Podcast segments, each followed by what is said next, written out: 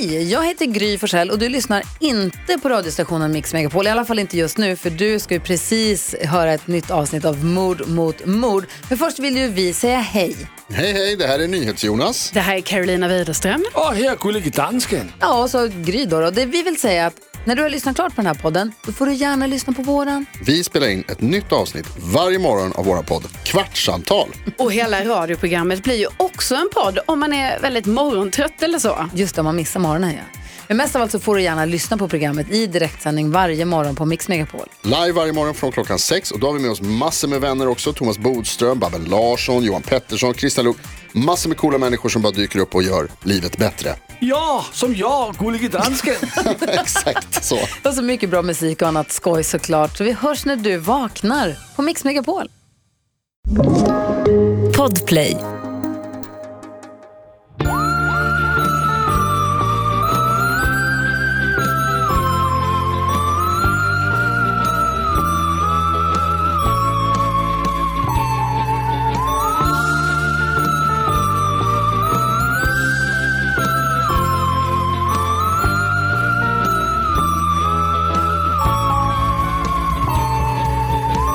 Välkommen Karin. Och välkommen alla andra. Till vår podd. Till Vår vår, poddeluring. allas, till allas vår podd.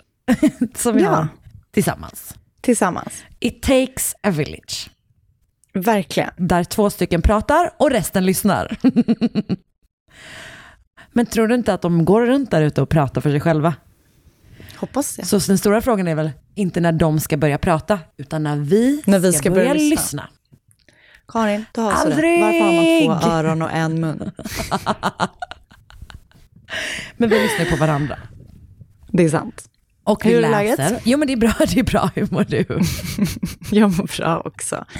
Det gör jag verkligen. Härligt, härligt. Du, vet vad jag har kommit på? Berätta vet vad jag tror att jag kanske har kommit på?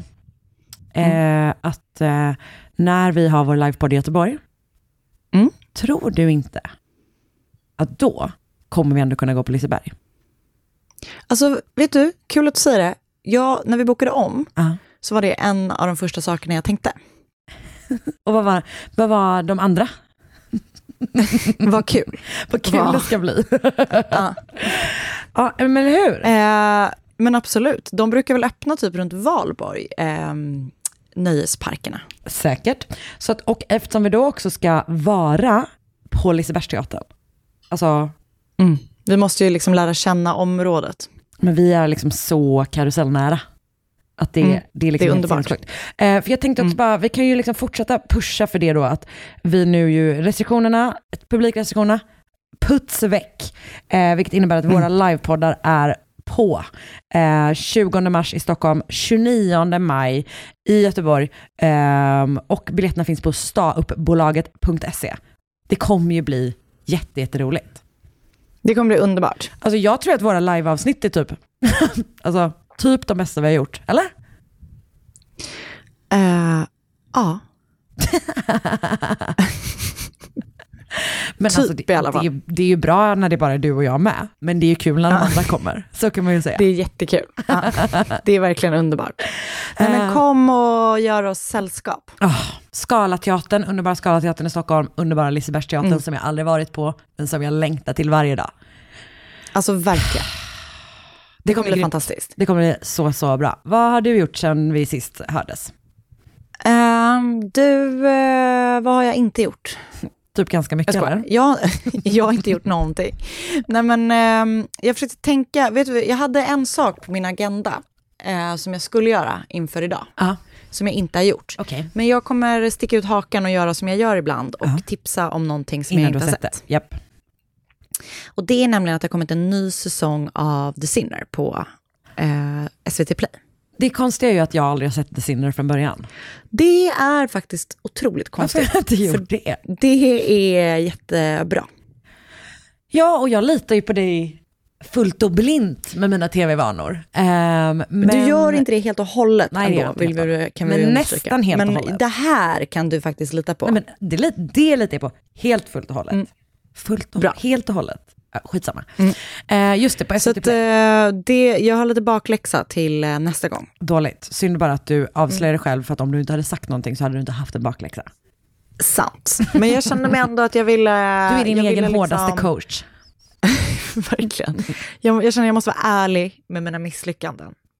För att komma vidare i livet. Ja, men då tycker jag också att du måste vara ärlig med dina lyckanden. Ja, du har helt rätt. Mm, bra. 200 avsnitt av den här podden. Ett lyckande om något. Alltså så fucking lyckat. Otroligt. Eh, Okej, Du då? What Eh, you been up to? jag klippte av mig håret. Det har jag inte sagt till dig. Va? Det har du inte sagt till mig. Nej, vänta. Ska vi sätta på videon jättesnabbt så du kan se? Ja, du brukar skicka video när du sitter hos frissan. Okej, vänta. Jag sätter på videon lite snabbt. Åh nej, vänta. Mm. Fuck. Ah, kom igen nu. Okej. nu. Fint! Men jag trodde det skulle vara ännu kortare. Men vad fan, du trodde att det Ja, skulle men vara det, som... det, Du trodde att det skulle vara som i Toppmodell när Tyra Banks bestämmer att en person ska raka av sig håret och skicka Du- hem dem samma avsnitt. exakt, exakt. Nej men du är jätte, det jättefin. Men du har haft... Ja men du har haft den här längden innan. Det har jag, det har jag faktiskt. Så det känns tryggt att se dig. Så här. Det kändes tryggt. Eh, och också att jag direkt blev självmedveten. När vi satt på kameran eller när du klippte håret. Men, ja, du menade nu. Jag tror du menade när vi satt För på på kameran. Men Du är väldigt fin. Tycker du? Tack. Jag har satt på mig myskläder. Ah, Helt rätt. Jag hade glömt bort hur gullig din mick är. Som ser ut som ett litet Mm, den är som ett litet penntroll. Mm. Okej, nu stänger Men nu stänger vi av, så Du är jättefin. Ja, Ja. du med. Hej. Hej. Eh, jag vet inte. jag vet inte heller. Jo, vänta. Nu, Så. nu, så, hej. Borta. Bra. Eh, nej, men jag känner mig jätte, jättenöjd. Jag har varit hos eh, min frisör Miriam, som jag gick hos alltid när jag Mm. bodde i Göteborg, som jag har saknat sedan dess. Vars kusin, tror jag, lyssnar jättemycket på vår podd, så att jag kan Kul. hälsa till kusinen. Eh, men sen så hade jag Kul, ett videosamtal i min, eh, med Ja. min psykolog. Ja. Och då insåg Och jag så att du fort... Vad sa du? Och hen tyckte att du var fin. Nej, det som jag insåg då, så fort videon kom på, är att jag har klippt samma frisyr som min psykolog. Ah, fint. Och hon hade ju frisyren först. så att det är lite grann som att jag har tagit med mig en printscreen från ett av våra videosamtal eh, till min Och sagt, eh, klipp mig så här. Ja, Men eh, det, hade varit, det hade varit mer så om det var precis den Tyra Banks-grejen du sa. Ja. Att hon också hade snaggat hår och eh, sen gjorde du samma sak. det, det Då hade, du fått sant. förlänga, då hade du fått förlänga eh, den timman och prata om det. Det är verkligen sant. Men erkänn ändå. Men alltså apropå... för, ja, säg. Nej, säg först. Nej men jag ska bara säga att det är väl ändå en ganska för, alltså förtroendegivande psykologfrisyr också. Verkligen. Ja, verkligen. Du ser super, eh, du ser super freudiansk ut. Tack. Nej, det var inte det du ville höra. Nej, men en rolig grej som hände mig när jag hade videomöte häromdagen Ja. Var att eh, jag, jag satt hemma och jobbade, för jag hade tagit min tredje spruta, så jag kände mig lite krasslig. Så jag liksom satte på kameran för att jag skulle ha möte med liksom tre ganska nära kollegor ändå. Och eh, när, jag, när, eh, den liksom, eh, när den tredje personen kommer in i mötet så här, åh Anna vad modigt att du har kamera på. Vänta, hon sa, Och hon då kallade kände sig- jag, ditt face, det var modigt att du visade Modigt. ditt face. ja. Och då Hur reagerade du då? gud, hur ser jag ut? när jag började skratta. För att jag blev så stressad. Och, hon, och jag bara tack, typ. och då så skrattade jag och hon tyckte ju också att hon förstod ju att, för hon Det- var så här, nej men jag sitter också hemma, jag har inte kameran på. Ah, okej, Hon det var en liksom sån situation. Ju, ja, men alltså när hon bara sa det först, gud vad modigt mod- att du har kameran på, då kände jag, alltså vänta, är det ingen som har sagt till mig under de här 32 åren att jag inte har ett face för Att jag är ett jävla härke. Alltså verkligen. Och the return of the härke. Saknat. Ja. Damn it, it's Ah. back. Ja, men det var i alla fall ganska kul. Jag, jag har skrattat gott åt det i efterhand. Det var ändå toppen. Det var faktiskt toppen. Mm. Och eh, vilken enorm kränkning, får man lov att säga. Verkligen. verkligen. Jag håller på att bara vänta på min revansch. Alltså den kommer. Och den kommer. Vi, vi, vi plottar den off beware. air. Ja, exakt. Vi tar in en strateg och en Mm. planner och någon som kan, ja, alltihopa kommer Och- planeras ut. Och en eh, utförare. Och även en utförare så att hon inte, she Mm. won't know what hit her. Verkligen. Nej. kanske inte. Ja, nej, skämt åsido. Ehm, ja, Skämt åsido är ett sånt bra, jag vet inte. man kan avsluta alla samtal med det. Ja, Och så man kan det, det- fast det blir konstigt om man avslutar, avslutar vissa av dem. Konstigt att man är liksom att man pratar om vet, något väldigt för- seriöst. Skämt åsido, nu måste vi vara mer seriösa. Det måste vi faktiskt. Jag, Men skämt jag, åsido, har du något mer att säga? skämt åsido, jag har börjat kolla på Netflix-serien om Anna Delvey. Ah, okej. Det är en, spel, alltså liksom en spelserie Ja. som kom typ i söndags kanske. Eh, Mm. Den är förvånansvärt B, skulle jag säga. Okej, intressant. Och ändå toppen. Alltså, du vad, det känns som, liksom, hmm, okej, nu ska vi se. Det känns som att en kombination av kanske typ så Gossip Girl, Fire Festival och lite grann de här, men du vet lite grann de här julfilmerna som gick hela liksom julen som är lite så Ah, här ja, B. ja. Alltså lite så. Fattar Eh, stämningen, precis. Ja, det är liksom... Så att, och det är ju svårt att veta för att hon är en sån konstig karaktär, Anna Delvey, bedragerskan. Ehm, så att hon känns ju som att hon var väldigt liksom agerande, om du förstår vad jag menar. Att det kändes som att hon skådespelade mycket. Så att man, det är omöjligt att avgöra om hon som skådespelar henne är bra eller dålig. Typ. Jag fattar. Men den är ju eh, också verkligen toppen. Alltså jättebra. Kul. Jag kan verkligen... Jag kommer nog ta mig an den. det, alltså det tycker jag verkligen du ska. För den här, jag... Jag, var ändå, jag läste ändå de här liksom long read-artiklarna som finns om det här när, när de kom ut och sådär. Och den här serien handlar om en av de journal- journalisterna som skriver en sån liksom djupdykning in i det här fallet. Typ. Men jag har inte följt det på ganska länge för att jag också var lite sugen på den här serien. Alltså så att jag har varit Mm, lite så här, att jag har valt bort saker för att jag vill typ se en dokumentär eller en serie om det.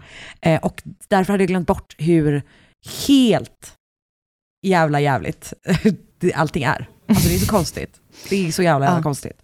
Så att eh, jag tycker em, en perfekt sån um, eh, liksom plöja typ en dag när man är bakfull serie, om du fattar. Den är lite Emily in Paris med. Så är den också. Kul. Alltså, du, du hör ju att det, alltså, du, hör, du förstår ju exakt på vilket sätt den är toppen. Men historien är ju också Alltså, helt jävla absurd på ett otroligt sätt. Så jag kan verkligen, eh, eh, jag kan verkligen rekommendera den. Ändå. Se fram emot det. Det har du verkligen att se fram emot. Sen har jag också lyssnat eh, på eh, stora delar av den här nya eh, poddserien från Serial Productions. Eh, The Trojan Horse Affair. Har du, har du hört någonting om den? Nej. Alltså det är då att det kommer ett, eh, ett anonymt, eller ett, ett brev vidarebefordras till typ så här myndigheterna i Birmingham i Storbritannien, anonymt, som, som eh, vittnar om en eh, plott där eh, liksom islamister försöker ta över eh, skolor i Birmingham för att radikalisera elever, typ. Eh, och det här brevet har då fått liksom jätte, jättestora konsekvenser. Och många har blivit av med jobben och man har liksom, du vet, implementerat nya, massa nya regler och sånt. Eh, och eh, den här poddserien handlar ju om då att så här, det är väldigt mycket som pekar på att eh, det är en hoax. Liksom. Ja. Så de utreder egentligen så här, var kom det här brevet ifrån? Typ. Och eh, jag har läst en del, det är, det är jättebra, jag är på avsnitt sex. Än så länge tycker jag att det är toppen. Det är ganska många, jag har läst en del liksom recensioner som pratar om att det eh, snurrar in sig i detaljer och sånt mot slutet typ. Men än så länge så tycker jag verkligen att den är jättebra och jättespännande och det är twists and turns och man bara, du vet, ja, det är liksom varje nytt avsnitt typ slutar i en grej som man bara, vad, vad menar ni nu typ? Eh, Vad sjukt, vad kul. jätte, Jättebra liksom, eh, lyssning. Det är han som har gjort S-Town, eh, som är en av Ah. programledarna, vilket ju faktiskt fortfarande är typ en av de bästa och Gud, den älskade man Ja, ju. nej, verkligen så. Så att eh, man känner igen rösten, vilket ju alltid är härligt också. Ehm, så att Trojan Horse Affair. Ändå tro, två bra tips, tänker jag. Kanske. Vad kul. Tack för det Karin. Ehm, det var det jag hade. Bra. Skämt åsido, Nu eller? skämt åsido. Skämt åsido. Då kör vi. Japp. Ett poddtips från Podplay. I podden Något Kaiko garanterar östgötarna Brutti och jag, Davva, dig en stor dos skratt. Där följer jag pladask för köttätandet igen. Man är lite som en jävla vampyr. Man har fått lite blodsmak och då måste man ha mer. Udda spaningar, fängslande anekdoter och en och annan arg rant. Jag måste ha mitt kaffe på morgonen för annars är jag ingen trevlig människa. Då är du ingen trevlig människa, punkt. Något Kaiko, hör du på Podplay. Därför är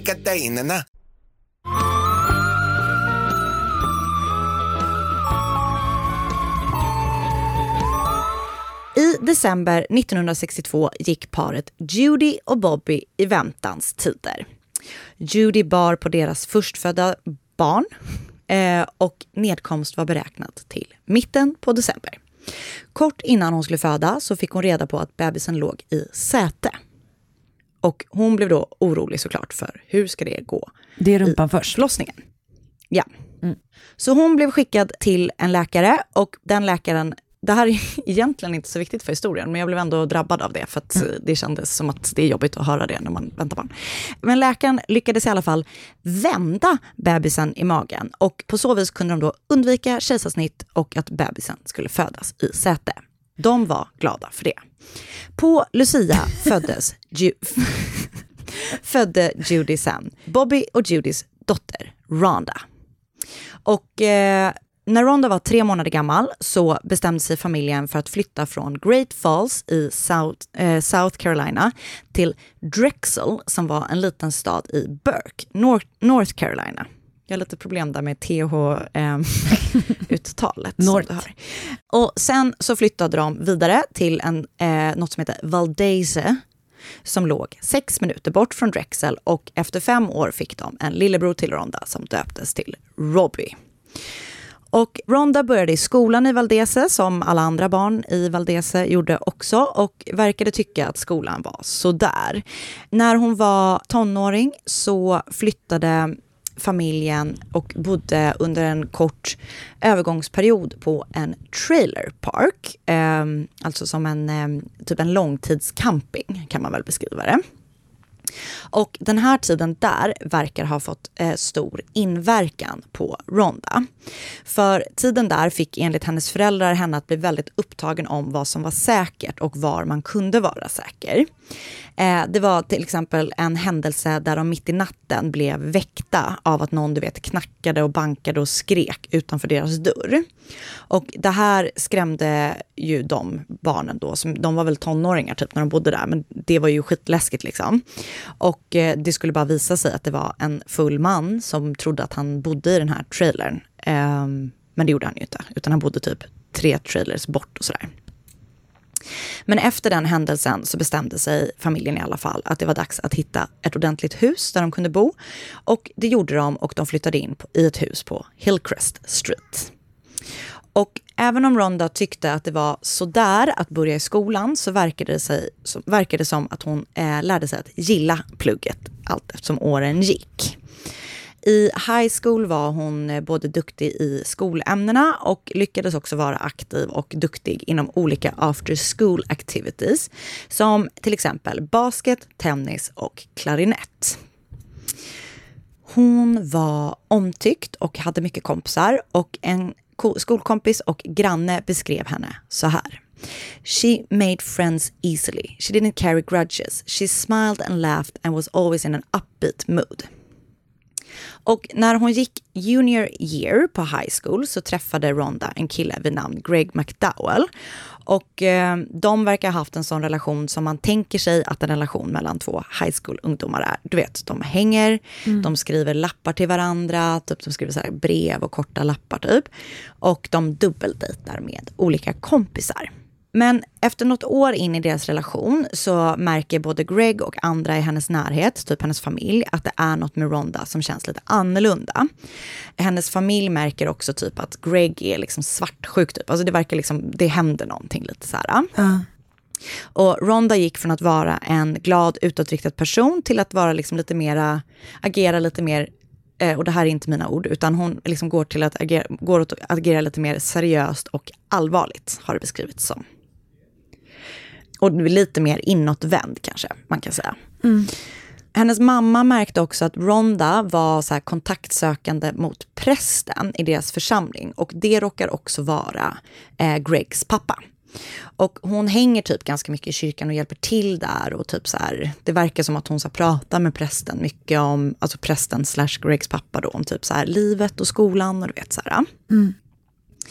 Eh, och det var enligt Rondas mamma då, Judy, ganska olikt hennes dotter att så här, prata typ om sånt och framförallt kanske med andra människor utanför familjen. Och Ronda och Greg gick på senior prom tillsammans och sommaren efter de har tagit sin examen, 1981, så åkte de två och två av deras vänner på någon slags roadtrip. Och här under sommaren så verkar det som att någonting händer. Alltså jag vet inte om det är någon specifik händelse, eller jag har läst att han typ kanske så pushade Ronda lite, att typ så här, kanske ville ha sex och hon inte ville det och då blev han arg. Alltså det verkar liksom som att han blir är liksom sur och hon blir sur och du vet. Eh, ja, det är liksom inte helt toppen typ. Och det verkar som att, ja, men som att Greg då är lite kontrollerande och svartsjuk typ och så. Och de här breven och lapparna som de har skickat till varandra sedan början de blev ihop, eh, som från början då var väldigt så gulliga och eh, kärleksfulla, ändrar form. Och istället vittnar de om att deras relation har liksom blivit dålig för dem båda. De så sårar varandra både psykiskt och eh, i vissa fall verkar det då eh, även fysiskt. Och i en av de sista liksom, lappväxlingarna, som jag i alla fall kan hitta mellan de två, så har Ronda skrivit till Greg så här. Since I'm such a liar, I ain't saying nothing. Thank you for hurting my lip and jaw uh, where my tooth hurts. No longer yours. Och de, är, de fortsätter liksom vara ihop, men det verkar ändå vara liksom inte bra, om du fattar vad jag menar. Under hösten så tycker, alltså hösten 81 då, så tycker Rondas mamma och pappa, Judy och Bobby, att hon beter sig fortsatt annorlunda och liksom lite konstigt tycker de. Hon bor fortfarande hemma hos sin mamma och pappa. Hon är 19 år, så hon är liksom van att ta hand om sig själv, men bor ändå där. Och eh, under hösten så börjar Ronda fråga Bobby, då, hennes pappa, om inte han kan göra hennes sällskap när hon ska köra till olika platser. Vilket hon liksom inte riktigt förklarade varför hon ville att han skulle följa med. Och det verkar inte heller som att pappan har typ direkt frågat det, eh, vilket man kanske också... Alltså. Men vid ett tillfälle när de då skulle ut och åka så sa Rond att hon hade något hon ville berätta för sin pappa. Hon sa att hon hade liksom, det är något dåligt hon vill berätta. Men när han då försökte så här luska mer och få henne att utveckla kring vad det var hon ville berätta så sa hon helt kort bara så här, ja men jag måste få tänka på saken lite mer, typ. jag vet inte om jag kan berätta. Hon frågar också sin mamma vid något tillfälle eh, om Judy tyckte att det var okej, eh, eller vad hon tyckte om att ha en relation med en gift man. Varpå då Judy svarar att, eller hon visste inte om det handlade om Ronda själv eller om hon typ frågade för någon kompis. Men hon säger så här, nej men det är aldrig en bra idé att inleda en relation med någon som är i en annan relation. För det kommer bara sluta med att någon blir ledsen och sårad. Antingen om det är du eller din kompis eller den här personens partner. Eller du vet, så här, det, det kan bara typ sluta illa. Eh, hennes föräldrar reagerade också på att eh, Ronda hade svårt att sova på nätterna. Hon vaknade mitt i natten och typ gick upp och duschade och sånt där. Och när de frågade varför så svarade hon att hon kände sig smutsig och hade svårt att sova.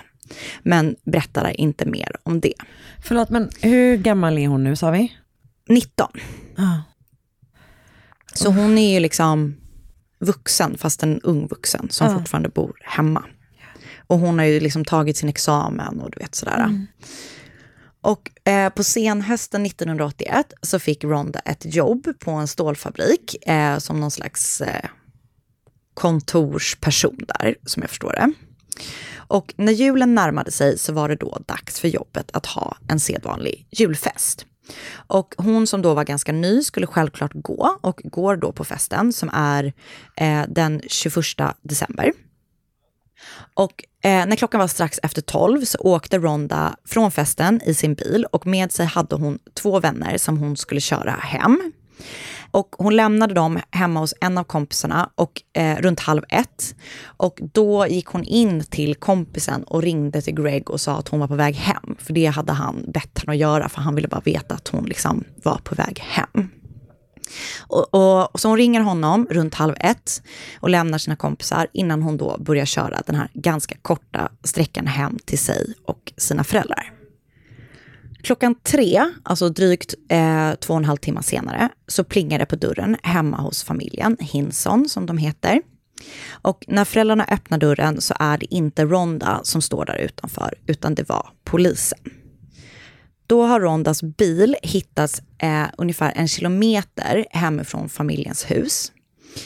När bilen hittats så eh, var förardörren öppen och en bit bort från bilen så har Ronda hittats eh, liggandes på rygg med armarna eh, liksom typ placerade längs sidorna. Så hon ligger helt så här raklångt. Uh. Hon har blivit skjuten i ryggen eh, av ett gevär. Skottet har passerat genom bakluckan på Rondas bil, genom hennes säte och sen eh, pass, gått in genom ryggen och genom hjärtat och lungan bakifrån. Då, liksom. Så hon har skjutits när hon har suttit i bilen, men nu ligger hon utanför? Mm. Exakt. Okej. Okay. Polisen säger till hennes föräldrar att hon har blivit skjuten av en krypskytt. Och det är ju då massa oklarheter kring vad som har hänt såklart. För varför skulle en krypskytt ligga ute och lurka i väntan på att en bil skulle komma? Och skulle den här krypskytten då skjuta en helt random person? Var det så att Ronda kände den här personen som sköt henne? Att skytten visste att hon skulle komma precis där och då?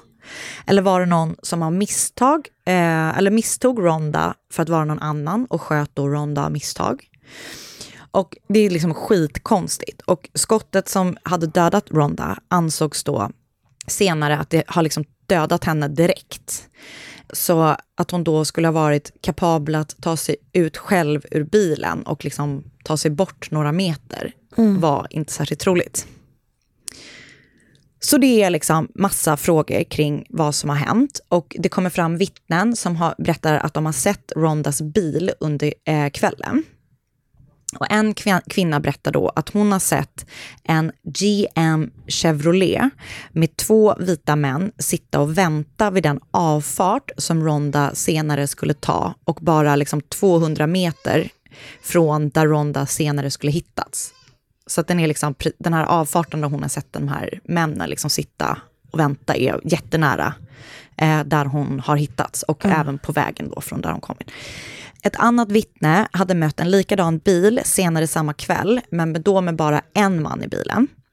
Bilen hade då kört snabbt bort från mordplatsen, eller fyndplatsen eller vad man ska säga. Eller det är väl både och i och för sig. Och eh, när detta vittne då han tänkte typ inte, eller han tänkte så här, här kommer en bil i hög fart och så fortsatte han att köra. Och kort efter det då han har mött den här bilen så kör han då även förbi Rondas bil.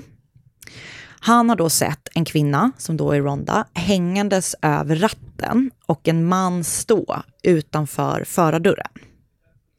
Men då vid tillfället så tänkte typ den här, det här vittnet inte mer på det, utan han trodde att det var typ ett par som bråkade eller du vet att det var någon som var full och de var så här, du, ja, du vet, man gör, skapar sig saker. Men han kommer då på det här efter. Det här vittnet gick med på att senare bli hypnotiserad för att se om han kunde minnas mer under eh, hypnos. Och eh, under hypnosen så minns han då att bilen som han först hade mött var en Chevelle och att mannen som hade stått utanför hennes bil hade varit mellan 178 och 187 centimeter lång. Att han var normalt byggd och hade mörkt brunt hår. Han mindes också då att det hade stått en annan bil parkerad precis bakom Rondas bil som hade varit en svart eller mörkblå Trans Am. På Rondas bildörr hittas ett gäng fingeravtryck. De kunde aldrig identifieras. Eh, de hittade också någon annans DNA på Rondas tröja, men inte heller det har kunnat identifieras. Så än idag så vet man inte vem som mördade Ronda alla är i alla fall säkra på att Ronda kände den personen som mördade henne. De tror att hon har stannat bilen, eller du vet mött någon som hon känner. Eh, eller att den har typ har signalerat att hon ska stanna och så. Och sen när hon har stannat för den personen som hon då känner så har den här personen skjutit henne. En person som då har intervjuats flera gånger eh, och som då har varit misstänkt och på senare tid återigen har blivit misstänkt är eh, hennes pojkvän Greg.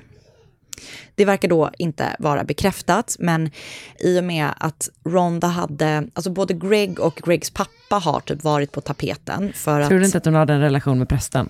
Det är ju det då folk tror, att antingen Mm. hon hade det eller att någon kompis till henne hade det. Just och det. att då eh, Greg eller Gregs pappa eller de två tillsammans var oroliga att hon skulle eh, outa det liksom, och att de av den anledningen har dödat henne. Jag vet inte exakt vad det finns, Nej. eller om det finns några bevis för det här, men det är i alla fall en teori som har figurerat i alla år. Liksom. Ah. Eh, det är ju jätte, jättemånga andra som också har, liksom har blivit förhörda och sådär. Och eh, i, i december 2021, alltså bara för två månader sedan, så sa polisen att de har fått in nya leads som kanske kan leda till att man äntligen, 40 år är det ju efter att Ronda har mördats, kan få reda på vem det var. Oj jävlar. Men det känns som att om man ska skjuta någon på det sättet, alltså genom bilen, alltså då måste man väl vara en jättebra skytt liksom. Jag tänker typ också det, det var väl därför de tänkte att det Att det var... var en sniper typ ja. Ja, exakt. För det känns, det måste ju vara extrem precision på något sätt. Uh. Fast å andra sidan, om typ en sniper skulle ha gjort det, varför skulle de då liksom ta ut kroppen? För det riskerar ju bara att typ man ska lämna spår, tänker jag. Ja, exakt. Jag tycker den här teorin att hon har typ stannat bilen Ja. och att de har skjutit när hon står stilla utifrån och in typ känns som en ganska... Och att man väljer att skjuta så för att det känns mer distansskapande. Ja. skapande. Jag vet inte. Nej, men det är i alla fall... Eh, man vet inte då. Men jag blev lite så här... Tyckte det var lite spännande att de bara för några månader sedan sa att de kanske liksom har eh, kommit det närmre Japp. då, en lösning. Det är helt enkelt en sån klassiker som vi eller någon av våra lyssnare behöver hålla koll på. Ja, men det var mordet på Ronda Hinson. Och Jättekonstigt. jag har läst jättemånga artiklar på, eh, eller inlägg eller man säger, på något som heter The Record and Printing Thursday. Där finns det alltså eh, typ 40 plus, 50 plus kanske mer delar av någonting som heter The Killing of Ronda Hinson. Alltså det heter Part 1, 2, 3 och så vet så. Ja. Eh, så vi länkar väl till någon av dem och så kan man ta sig vidare. Och sen har jag ehm, läst A Life Stolen, 35 years and still no arrest in Rhonda Hinsons murder, skriven av Sharon McBriar på The News Herald. Eh, artiklar om Rhonda på unsolved.com och Unsolved Mysteries fandomwiki.com. För de gjorde då, Unsolved Mysteries gjorde ett avsnitt om henne 1989. Just det. Jag har inte hunnit se det, men det finns. Och så har jag lyssnat på True Crime All the Time Unsolved. Avsnittet där heter Ronda Hinson. Vad fan. Mm. Jag vet, man blir väldigt besviken att jag inte kunde säga vad det var som hade hänt. Jag ber om Ja. det. det här är ett Nej, sånt är fall inte som jag själv fel. hatar, så jag var tvungen att dela med mig. Tack. Varsågod. Tack, nu delar vi din frustration allihopa. Men det var ju jättekonstigt. För att som du säger, eller som de var inne på, typ så här, det känns ju väldigt otroligt att det skulle vara en slump. Liksom. Att det ligger någon och typ väntar på att någon ska köra. Det känns ju, det var ju henne de var Nej, ute det är för efter. konstigt. Och hon är ja, typ det en måste ju ha varit det. ung, Och det som är kvinna, lite skumt liksom. också är ju att hon ringde Greg precis Ja. innan hon lämnade. just det. Mm, Och då hävdar ju då folk så här att han ville att hon Visst. skulle göra det för att han skulle, att han veta, skulle när veta. hon kom på vägen och sådär. japp. Men som sagt, det, finns, det är inte bekräftat, men Nej. han har i alla fall varit en misstänkt person eh, länge. Men då kanske det kommer nyheter snart. Hoppas det. Vi hoppas det. Om inte annat för Mm. Shandas familjs skull. Puh. Du, tack snälla. Ett poddtips från Podplay. I fallen jag aldrig glömmer djupdyker Hasse Aro i arbetet bakom några av Sveriges mest uppseendeväckande brottsutredningar. Går vi in med hemlig telefonavlyssning och, och då upplever vi att vi får en total förändring av hans beteende. Vad är det som händer nu? Vem är det som läcker? Och så säger han att jag är kriminell, jag har varit kriminell i hela mitt liv men att mörda ett barn, där går min gräns. Nya säsongen av Fallen jag aldrig glömmer på Podplay.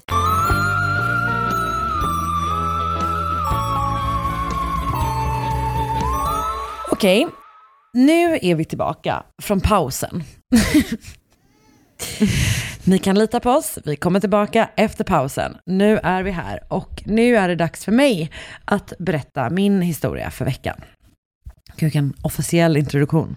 Jo, du, förra veckan så gjorde du ett, eh, berättade du om Mary Rogers, The Cigar Girl i New York. Och ehm, varje vecka så postar jag ju bilder och sådär som hänger ihop med våra fall i vår Facebookgrupp, Mord mot mord podcast. Och när jag gjorde det, alltså då googlade jag ju även på dina fall helt enkelt för att hitta bilder. Och då ehm, råkade jag trilla över det här fallet.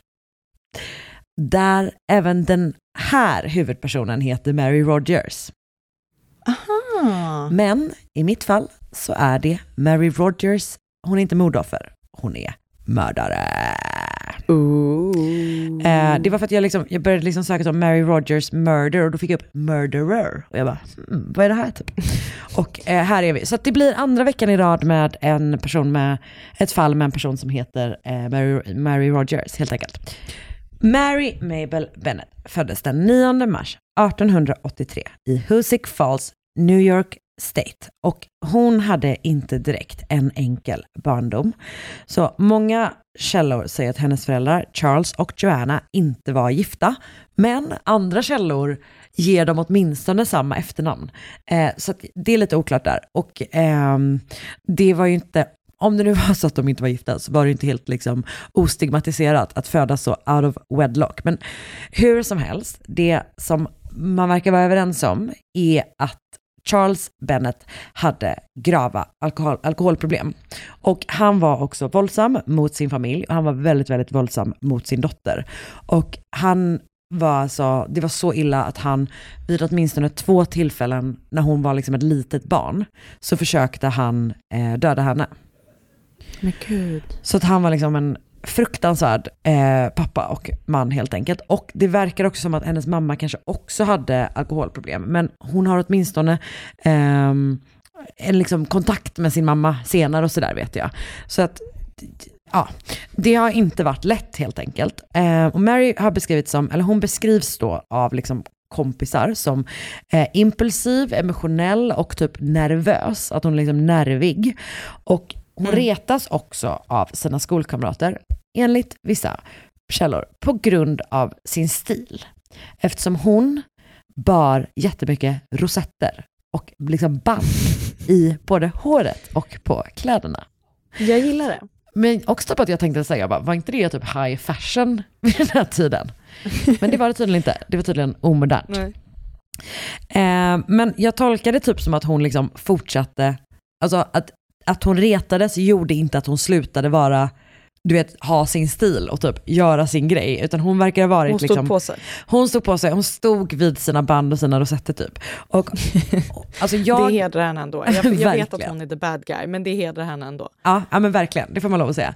Men, och jag, typ, jag tolkar henne i beskrivelser av hennes person under resten av den här historien som att hon var typ en så här, alltså inte supernervös av sig, inte nervig utan snarare liksom ganska körig. Som en person som Ja, gjorde det hon okej. själv ville typ. Eh, men hur som helst så kommer liksom, alltså så här, oavsett så är hon en person som typ som sticker ut. Många personer tycker att hon är ganska märklig, avvikande, normbrytande kan man nog även prata om vid vissa tillfällen. Ehm, så när Mary är 15 år gammal är det dags för henne att gifta sig.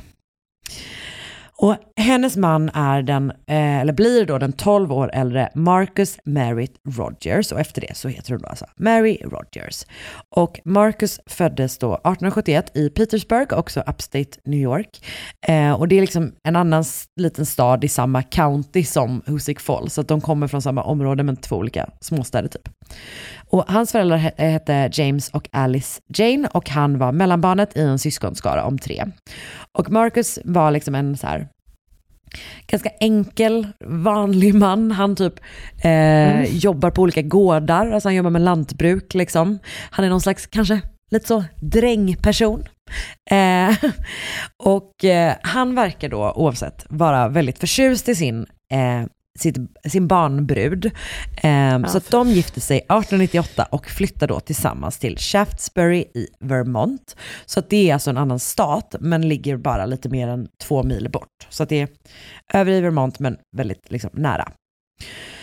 Och eh, den här relationen kommer då inte att bli särskilt enkel. Och det beskrivs som att det är då Marys fel. För hon är omogen och rastlös. Vilket man bara, Okej. ja, alltså hon är ju 15.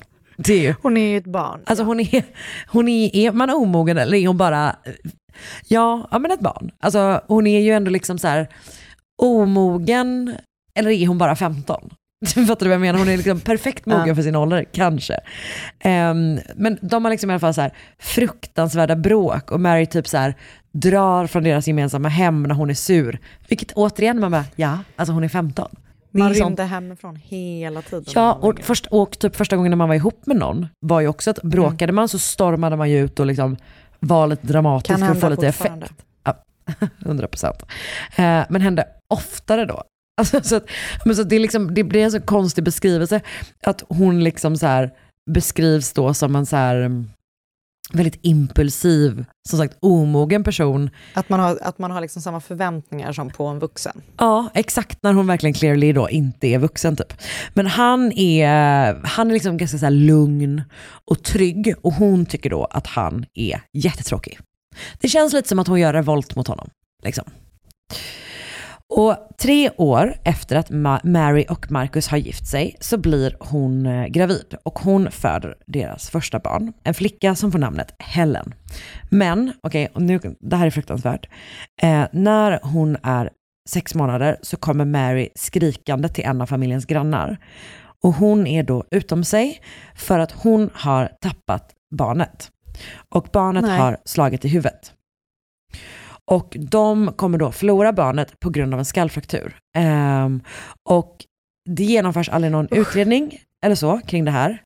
Ehm, och det är omöjligt att veta vad som är vad här. Men det går i alla fall rykten om att Mary i själva verket har mördat sitt barn. Att det inte var en olycka.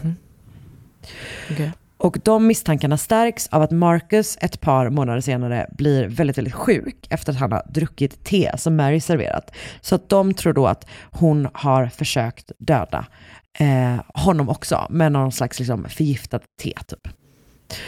Men han verkar trots det inte alls vara inne, alltså han verkar inte, verkar inte tro det, han, han, han är åtminstone inte en person som, han tänker sig inte att han ska lämna henne, utan han är liksom fortsatt sin fru, trogen typ.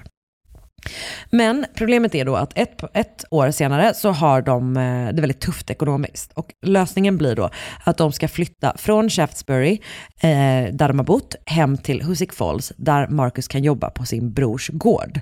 Det är bara det att Mary vägrar flytta med sin man. Så hon, han flyttar då hem till den här gården, till sin brorsa, för att försörja dem. Och då flyttar hon till en tredje stad, en stad som heter Bennington, som ligger typ en och en halv mil från Husick Falls.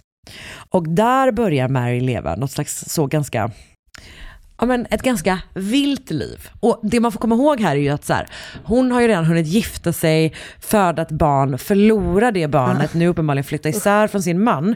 Men hon är bara 19 år gammal. Det är 1902. Så att hon är liksom, alltså hon är fortfarande jätte, jätte ung typ. Och i den här stan så börjar hon leva något slags liksom ganska så vilt singelliv känns det som. För där träffar hon en kvinna som heter Estella Bates, men kallas för Stella. Och de blir såna riktiga festkompisar. De är liksom ute och festar som fan typ. Och till en början så bor de på, du vet, men, något sånt ställe som är så boarding house, lite så inackorderingsställe, man kan hyra något rum liksom. Eh, så de bor på samma sånt ställe och är liksom ute och festar hela nätterna och typ verkar ha det jätteroligt. Och i juni 1902 så träffar Stella och Mary tre män som kommer att eh, förändra allt för Mary och för Marcus. För det är då bröderna eh, Levi och Leon Perham. De är 28 respektive 17 år gamla. Och så en 22-åring med toppennamnet Morris Knapp. Ja. Alltså det är så bra. Jag är tokig i honom. Morris är ett urgulligt namn. Mm, det är fint. Och Knapp är också bra. Eh, så snart hyr Mary ett nytt rum för att hon flyttar in hos Levi och Leons föräldrar som också verkar hyra ut rum typ. Eh, och ligger, åtminstone enligt riktet, snart med alla tre. Okej. Så att ehm, Mary bor då i Bennington, där festar hon loss, har olika affärer med de här olika männen. Eh, Marcus bor i Husick Falls och jobbar på sin brors gård. Det är ingen toppenrelation. Det kan man ändå inte påstå. Hon vägrar inte bara att bo där, utan hon kommer typ aldrig hälsa på honom. Men ibland så hälsar han då på henne i Bennington och varje gång så försöker han övertala henne att flytta med, henne, med honom hem. Eh, de är ändå gifta eh, och varje gång så vägrar hon. Hon tänker stanna i Bennington. Och en anledning är nog bara att hon tycker typ att alltså, hennes liv där är mycket bättre, mycket mer nice. Mm. Liksom. Eh, men hon har också en annan anledning. För att hon har då blivit kär i Morris Knapp.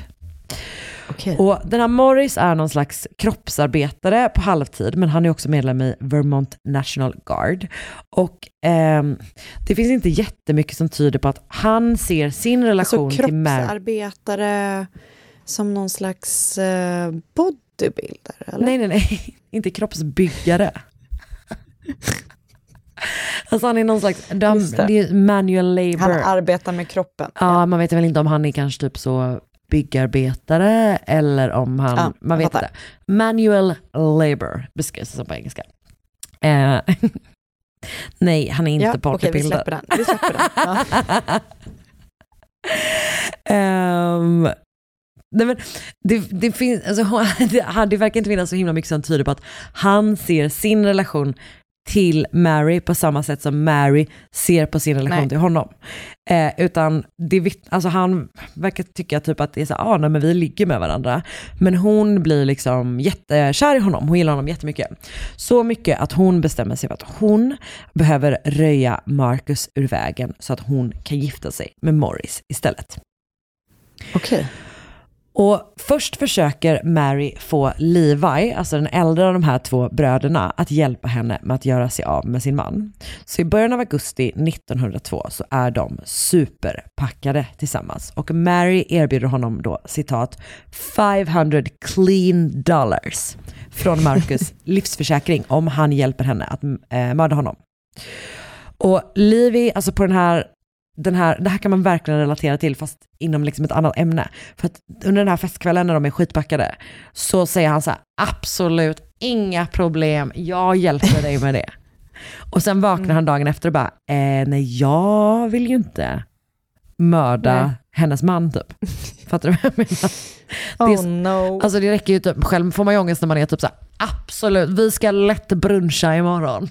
Och så bara Ah, vaknar man dagen efter bara, det vill jag absolut inte. Jag vill aldrig se de här personerna igen, jag skäms ögonen ur mig för min personlighet och allt jag tar mig för. Typ.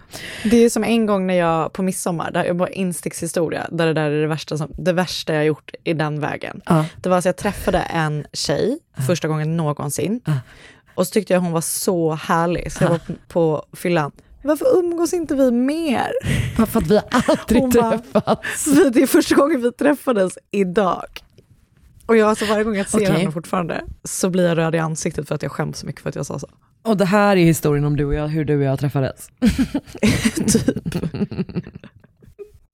Så bara, okej, och nu sitter jag här långt senare och har en podd med den här Verkligen. fulla tjejer på festen. Ja. Nej men, och, som man då gör, och sådär, är ju att man drar ju sig ur så diskret man kan dagen efter.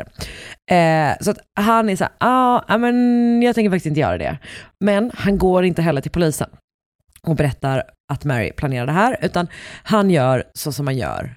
Och återigen när man har gjort något på fyllan man skäms över, han berättar för sin mamma. Man glömmer. Eh, Ja. så att han berättade då för sin mamma så här, ja men Mary frågade mig det här och jag vet inte riktigt vad jag ska göra. Och hans mamma bara, fast det var nog bara fylleprat typ. Han bara, ja det var nog bara fylleprat. Så att vi skiter i det, typ. nu lägger vi det bakom, bakom oss. Liksom. Men för Mary så är det ju inte bara fyllesnack, utan hon, har, alltså hon tänker inte avbryta den här planen. Utan istället så frågar hon då Leon, som är alltså den yngre av de här bröderna. Han är ju bara 17 år gammal, så att han är ju jätteung då. Och hon har ju också, alltså hon ligger ju med honom också då. Så att hon frågar honom, du vet, during pillow talk beskrivs det som. Efter att de har legat med varandra. Eh, och det finns vissa källor som säger typ att så här, han var kär i henne och lite sådär, du vet. Eh, så att hon frågar honom om han kan tänka sig att hjälpa henne att mörda hennes man och han säger då att det kan han göra. Och sen går allting väldigt fort. Så att jag tror att hon typ frågar det här typ kanske så 10 augusti. Och 12 augusti så kommer Marcus till Bennington för att träffa sin fru. Och de typ tar en promenad på dagen där och han försöker då som vanligt övertala henne att bo med honom på hans brors gård och som vanligt så säger hon att det tänker jag inte göra. Eh, vid sextiden så skiljs de åt men de bestämmer sig för att de ska ses senare på kvällen. Och efter det, efter att de har liksom skilts åt så hälsar Marcus på några släktingar. Eh, han säger ingenting om att han har problem eller typ att det är något struligt i relationen överhuvudtaget eller så, utan han säger bara att de ska ses senare igen. Och sen så eh, går han från de här första släktingarna vid åtta tiden och sen går han och hälsar på någon ny släkting. Eh, och därifrån går han vid tio tiden på kvällen för att då möta upp Mary. Och de träffas vid Wall, eh, Wallom, Wallomsack River. Eh, och då är klockan typ ef- efter 11, vilket känns som en märklig tid att träffas i ett grönområde. Eh, men, men, men så är det i alla fall. Och ännu konstigare blir det då att när han kommer dit så är ju då Mary inte ensam, utan den här eh, Leon Perham är också med. Men att det är konstigt eller liksom så, är ingenting som Marcus Rogers varken kommenterar kring eller alltså ens, det, man märker ingenting på honom att han tycker att det är konstigt heller. Utan de sätter sig alla tre på en stenmur och typ börjar prata. Oklar, alltså väldigt oklar kväll. Men, men, men de sitter nu de här tre personerna på en stenmur vid en flod och typ pratar lite grann med varandra. Så vid halv tolv-tiden säger Mary att hon har lärt sig ett reptrick av sin kompis Stella. Och frågar Leon om hon kanske får visa det på honom. För hon har lärt sig att knyta ett rep på ett sätt som gör det omöjligt att ta sig loss.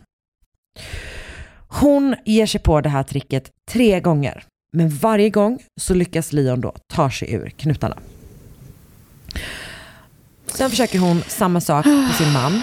Eh, han tar sig också loss.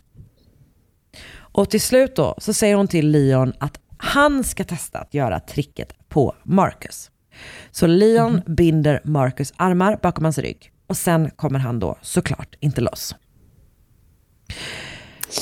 Och då tar Mary fram en liten flaska med kloroform ur sin väska och en trasa och häller då ut eh, lite, några droppar på den här eh, trasan och trycker, dem, eh, trycker den mot Marcus ansikte medan hon skriker till Leon att han ska hålla fast hans ben.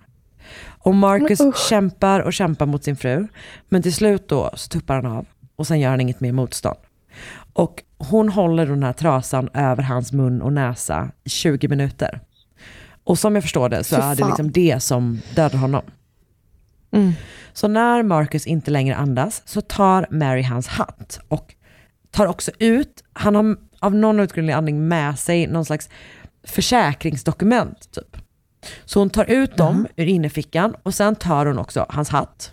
Sen rullar de ner Marcus kropp i Wallomsack River och fäster ett självmordsbrev i hatten. Och sen sätter de fast hatten i ett träd. 34 timmar senare så hittar en för- förbipasserande hatten, brevet och sen också kroppen. Och eh, man kommer då snart identifiera honom som Marcus Rogers. Mary påstår att hennes man, alltså när, när polisen liksom förhör henne, så påstår eh, hon att hennes man typ tagit upp självmord ganska mycket, att han har pratat om det tidigare och typ hotat med det. Och i självmordsbrevet så står det också typ så, jag har avslutat mitt miserabla liv och det eh, vet min fru att jag har hotat med många gånger. Och det avslutas också eh, med May, vilket hon kallades, May I hope you will be happy. Så att hon har uppenbarligen försökt då peka bort från sig själv. Eh, men trots det så kommer det här fallet att klaras upp jätte- jättesnabbt. Delvis för att Mary gör samma sak som alla, inte alla, men jättemånga idioter som mördar någon för försäkringspengar gör. De kräver ut Mm. pengarna typ direkt. Alltså hon går Direkt, typ ja. direkt till försäkringsbolaget och är så här, hallå, ja, men jag är med med de här papperna på, och han är död, han ligger ju där nere. Ehm, så att hon liksom sätter igång den processen direkt. Du vet så snabbt att försäkringsbolaget själva reagerar typ. Och dessutom så går polisen till då bröderna Perham, eh, där ju Mary också bor. Och direkt så berättar Levi att hon försökte få honom att mörda Marcos. Och sen, precis liksom direkt efteråt, så erkänner Leon alltihop. Så den 16 augusti, alltså fyra dagar efter mordet, så häktas Mary, Leon och enligt vissa källor också Stella. Jag vet inte, eh, alltså jag hittar ingen info om att det har varit en rättegång mot henne eller att hon har dömts eller någonting. Eller om det, det är inte alla som säger att hon också häktades. Eh, men, men hon kan ha funnits med där till en början typ. Så Leon Perham, som ju då bara var 17 vid tiden för mordet, han döms till livstidsfängelse på grund av sin ålder, men också för att han blir då åklagarens stjärnvittne i Marys rättegång. Försvaret har inte ett enda vittne som talar för Marys sak. Alltså, det verkar inte bero på att hennes advokater i kassa ens, utan deras strategi är att typ inte komma med en alternativ förklaring utan bara försöka skjuta hål, skjuta ner åklagarens, åklagarens case. Mm. Liksom. Ehm, det går inte jättebra. Um, framför allt för att Mary framstår som liksom väldigt kall och typ hård under rättegången. Hon uttrycker inte ånger, hon verkar liksom ganska oberörd av hela grejen. Hon beskrivs rakt av som, du vet att hon inte är, hon är inte womanly. Eh, utan hon, Nej. är liksom, hon verkar obrydd med kring att hon då har mördat sin man. Liksom. Och hon blir då väldigt Mm. snabbt illa omtyckt av median, av allmänhet, men också av juryn. Så att liksom, inte nog då med att hon har mördat sin man för hans pengar och för att hon vill ta en ny man, det är också det här då att hon har, att hon har festat och typ legat runt, som man ju inte är Just superförtjust i förstås. Så strax efter jul 1903 så kommer domen. Mary döms till döden. Och domen ska då verkställas typ två år senare, i februari 1905. Det är inte alls två år senare. Det är typ ett år senare. Bra. Ehm, så under tiden liksom fram till, hennes, till det datumet så genomförs jättemånga försök att omvandla hennes dom till livstidsfängelse. Och till en början så tror man att det ska gå ganska lätt för att Eh, ja, men delvis då för att Mary är så ung, alltså hon är ju typ så 20 nu liksom. Men också för att hon är kvinna och Vermont har bara eh, avrättat en enda kvinna tidigare. Eh, en kvinna som heter Emmeline Meeker som avrättades 1883 för mordet på sin mans syskondotter Alice.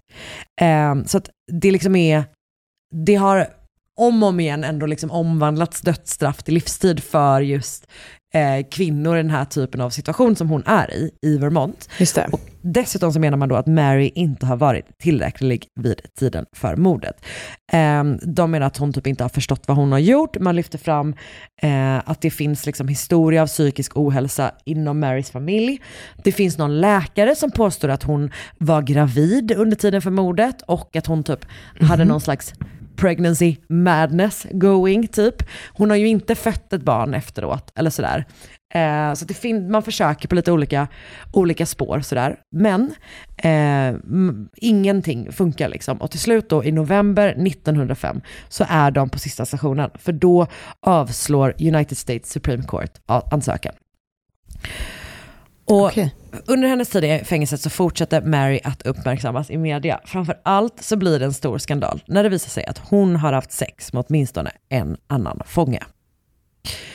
Hon har då, eh, jag vet verkligen inte hur det här gick till, men en, en man, en dömd våldtäktsman som heter Vernon Rogers, har på något sätt haft tillgång till nycklarna till hennes cell. Och har då under typ flera dagar, eh, har de typ, det beskrivs som att det är en relation. Jag vet inte om hon har liksom blivit utsatt för en våldtäkt och att det bara beskrivs så. Eh, eh, Men det, är liksom, det, blir en, det blir en stor skandal då att fångar ligger med varandra på det här fängelset. Typ. Det finns också källor som säger att hon har typ legat med någon vakt och sådär. Eh, så det hon fortsätter beskrivas som en sån liksom sexmaniac lite grann. Ehm, och det är omöjligt att veta vad som är vad där förstås. Liksom. Men mot slutet av sin fängelsetid så verkar Mary ha lugnat ner sig avsevärt. Hon har liksom börjat träffa, ehm, innan hon vart så här, du vet, när de erbjöd henne besök av präster och sånt, hon vart såhär you take that priest and go to hell och sånt har hon sagt. Men mot slutet, när det börjar närma sig avrättning. Du imiterar det så bra, det, det är precis som att det är hon som säger det. Eller hur? Det är så likt. Ja, tack. Ehm, men eh, mot slutet då så börjar hon liksom träffa träffa prästen och hon börjar också virka förkläden som tack till de som har Ah. stöttat hennes försök att omvandla dödsdomen. Okej. Ett virkat förkläde hade man kunnat tänka sig. Verkligen, det känns super... eh, Jag bara eh, bra. putting it out there. det är som den, vad heter den här grejen att man ska tänka på vad man vill ha? Som Oprah höll på eh, med. affirmationer. Ja, men, ja, the sign. Vad heter det? Eh, the, the, um, The, du vet The vad jag menar. secret. The, The secret. secret. Ja, The exakt. secret. Mm. Så nu vill jag bara put it out there. Virkat förkläde. Eh, men som sagt, ingenting, inte ens virkade förkläden, förkläden har Nej. någon effekt. Utan den 8 december 1905 så leds Mary Rogers till sin avrättning. Hon ska hängas framför en grupp om nära 30 personer och eh, åskådarna ser då hur Mary får typ en stor säck över sig som verkar gå från liksom, huvudet till fötterna. Eh, och sen lägger man snören runt hennes hals och eh, när hon får frågan om hon har några avslutande ord så stirrar hon bara, alltså hon säger ingenting liksom. Och snart då så öppnas luckan under henne, eh, men när hon faller så är det som att det liksom är som lite så stretch typ i repet, eller att man har liksom låtit det bli för långt. Så att eh, Marys fötter når golvet under ställningen. Oh, nej. Och det gör då att hon inte bryter nacken som man liksom ska. eh, utan istället så tar det 14 fruktansvärda minuter innan Mary till slut dödförklaras. Och bara en timme senare så lastas en kista med hennes kropp på tåget hem till Hoosick Falls där hennes mamma tar emot den. Hon begravs då på St. Mary's Cemetery, drygt 4,5 kilometer från Marcus Rogers eh, grav på Hoosick Cemetery. Så de ligger på olika platser. Okej. Och det var då mordet på Marcus Rogers med mörderskan Mary Rogers och hennes reptrick. Verkligen. Och jag har läst eh, New England Historical Societys artikel Mary Rogers brings the capital punishment worse to Vermont. Sue Colettas artikel Killing Mary Mabel Rogers på suecoletta.com. Colorado Historic Newspapers.com har en artikel från The Herald Democrat som är då från 1905 med rubriken det här är en stark rubrik. Det, här, det är inte bara nu för tiden det blir en och annan lång stark rubrik, utan Nej, även 1905 härligt. körde de, körde de på det spåret. Så här. Mary Rogers met death with same indifference that marked cruel murder of her husband. Oj. Sen har jag också läst den märkliga hemsidan Executed Today, där de har ju varit eh, inne tidigare. Eh, på Murderpedia har de en artikel av John Stark Bellamy med rubriken Did Mary Rogers deserve hanging? Som var väldigt hjälpsam. Och så har jag förstås också läst på Wikipedia. Tack Ja, det var det. Det var det. Nog om det, skämt åsido. Skämt åsido, då Mm. får vi gå vidare i våra liv även den här veckan. Det, vi måste. Har vi något val? Det har vi inte. Det har vi Ehm, inte. Så eh, tack för att ni har men skämt lyssnat. åsido, tack för att ni har lyssnat. Alltså verkligen. Skämt åsido. Hej då! We love you. Hej! Poddtips från Podplay. I podden Något Kaiko garanterar östgötarna Brutti och jag, Davva, dig en stor dos skratt. Där följer jag pladask för köttätandet igen. Man är lite som en jävla vampyr. Man har fått lite blodsmak och då måste man ha mer. Udda spaningar, fängslande anekdoter och en och annan arg rant. Jag måste ha mitt kaffe på morgonen för annars är jag ingen trevlig människa. Då är du ingen trevlig människa, punkt. Något Kaiko, hör du på Podplay. Därför är gardinerna.